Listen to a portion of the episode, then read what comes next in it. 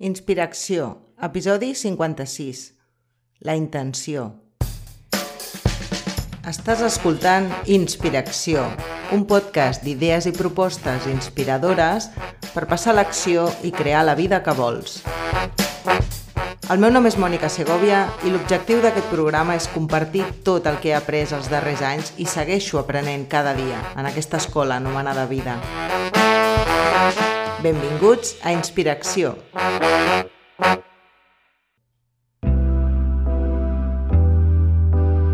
Hola, què tal? Com estàs? Fa uns dies que li venia donant voltes a aquest tema i no sabia ben bé com enfocar-lo perquè a nivell personal a mi m'ha costat realment veure més enllà de la forma que té la intenció. Moltes vegades segur que has escoltat la frase feta de la intenció és lo que cuenta. I crec que realment és així. És el que la vida, l'univers, Déu, amb el que sigui en el que tu creguis, crec que és el que escolta. Però veure més enllà de la intenció superficial, per dir-ho d'una manera, seria com la primera capa, realment el que escolta la vida és la intenció real, el que hi ha a sota, el que, el que la nostra ànima està demanant. Un cas, per exemple, si veus a un amic o a una amiga que està fatal, que ho està passant molt malament, que està inclús depressiu o depressiva, la teva intenció és que estigui bé, és que és animar-la, és donar-li suport, inclús potser aconsellar-li què pot fer per canviar l'estat d'ànim.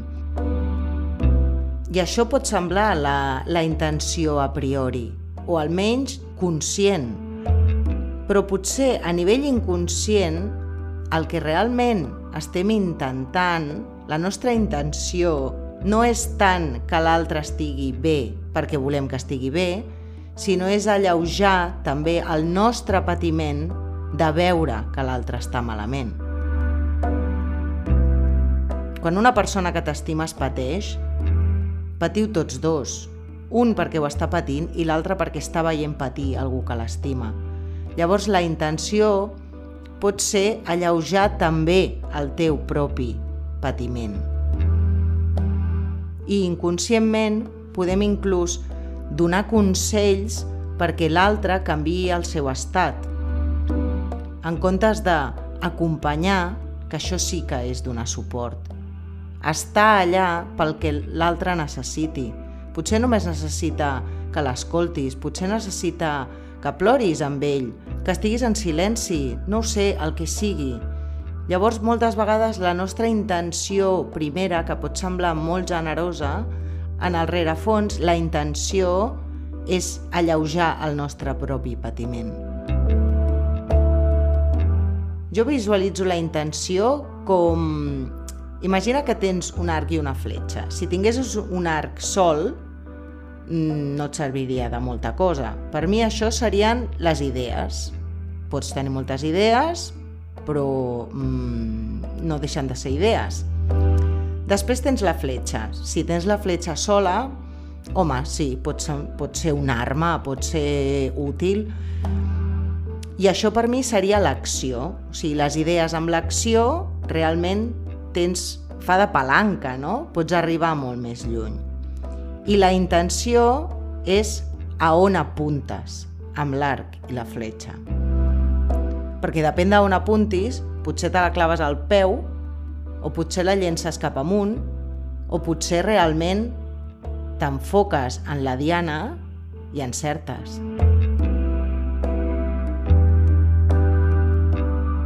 Com sempre, tot radica en l'autoconeixement. Aquí no hi ha dreceres. Com més et coneguis, de més ajuda podràs ser a la gent que t'envolta. Més pau, més serenor, més claredat, la intuïció més desperta, l'empatia, tot es multiplica.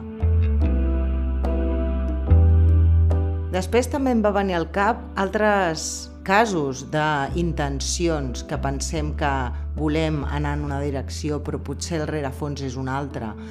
Si, per exemple, eh, estem fent esport i seguint una dieta amb la intenció de posar-nos en forma i, o aprimar-nos, o les dues coses, pot ser que aquesta sigui la intenció superficial, però en el rerefons potser hi ha un no acceptació del teu cos, un odi inclús cap al teu cos, que no t'agradi mirar-te al mirall, que diguis, estic horrorosa, horrorós, no m'agrado gens, vull canviar perquè no m'accepto, perquè no m'agrado.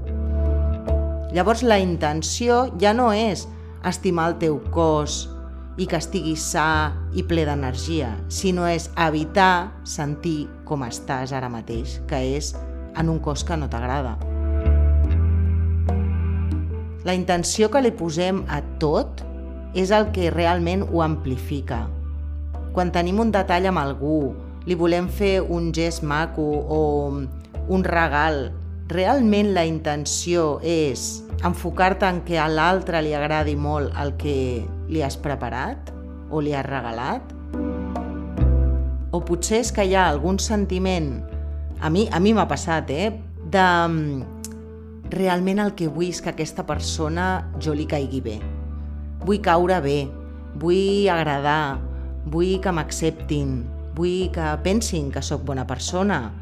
Si la intenció realment és aquesta, l'únic que farà la vida per mostrar-te tot el que has de sanar és portar-te gent que et recordi i et faci de mirall de tot allò que tu no acceptes de tu mateixa. Per tant, si la intenció en el fons és que vulguis agradar a l'altre, que vulguis complaure, que vulguis quedar bé perquè t'acceptin, perquè pensin que oi, que guai que ets, l'únic que aconseguiràs és que tu a tu mateixa no t'agradis gens i que trobis moltes persones que no t'acceptin o que et vegin falsa perquè realment no estàs sent autèntica. Estàs mostrant una mirada, una cara, una façana, potser totalment inconscient, evidentment. La majoria d'intencions estan enfocades en un camí, però al rerefons és, és complicat de veure. No és gens fàcil indagar i autoconèixer i sobretot mirar de cara a les ombres, a les pors que tenim, ostres, aquí tinc una por de no agradar, ostres, aquí tinc una por a ser rebutjada, a que no m'acceptin, a que pensin que sóc una mala persona. Potser alguna vegada t'ha passat que t'han convidat a un lloc i tu ja sabies que no hi volies anar. Però per quedar bé, perquè no pensin, perquè potser hi han deutes, entre cometes, associats, perquè com que ella va venir a la teva festa, tu ara no li pots dir que no... Tota aquesta intenció real que hi ha a sota et tornarà com un boomerang. Perquè realment la vida és el que escolta. Per això és molt important l'autoconeixement, per poder ser més autèntics. I això implica ser coherent i dir no quan és no i dir sí quan és sí. Això no té res a veure amb ser una mala educada i una borde. Tu pots ser superamiga de les teves amigues i donar-te el teu espai i tenir relacions sanes. Jo, per exemple, amb aquest podcast, la meva intenció és realment compartir el que he après i segueixo aprenent cada dia. Llavors, quan tinc pensaments de doncs faré un capítol sobre això perquè crec que agradarà més o perquè crec que igual eh, doncs es farà com més popular o el que sigui, de seguida ho, ho trec de la llista. I potser, I potser fins i tot he fet algun capítol amb això i no me n'he adonat. Però realment tot torna a un mateix. Quan sento que realment la meva intenció és aquesta, el que he d'anar és al fons i és a seguir caminant el camí i seguir compartint tot el que aprenc pel camí, per si algú l'inspira i l'ajuda a donar la primera passa. Parlaré del que necessiti parlar, sigui un tema que pugui semblar molt hippie-happy, o parlaré potser de temes més transcendentals, no ho sé, tot el que jo vagi vivint. Òbviament sempre des de la meva experiència i des del meu punt de vista. Ja he comentat en altres episodis que la meva intenció també amb aquesta plataforma és que sigui una eina per a altra gent que vulgui donar la seva veu, que vulgui compartir també les seves experiències. Més enriquidor serà. Per tant, si t'animes, escriu a hola arroba monicasegovia.com i ens posem en contacte. Cada decisió que prenem i cada acció que fem neix d'una intenció. És el motor que ens impulsa. La major part del dia ens el passem en pilot automàtic, fent coses perquè ens porta la rutina. Fem el llit, ens rentem les dents, ens vestim i no som ni conscients de que estem fent aquestes accions. Anem, això, en pilot automàtic. Però realment, quan ens parem i prenem decisions i accions amb una intenció conscient, és on realment tenim el poder per canviar les coses.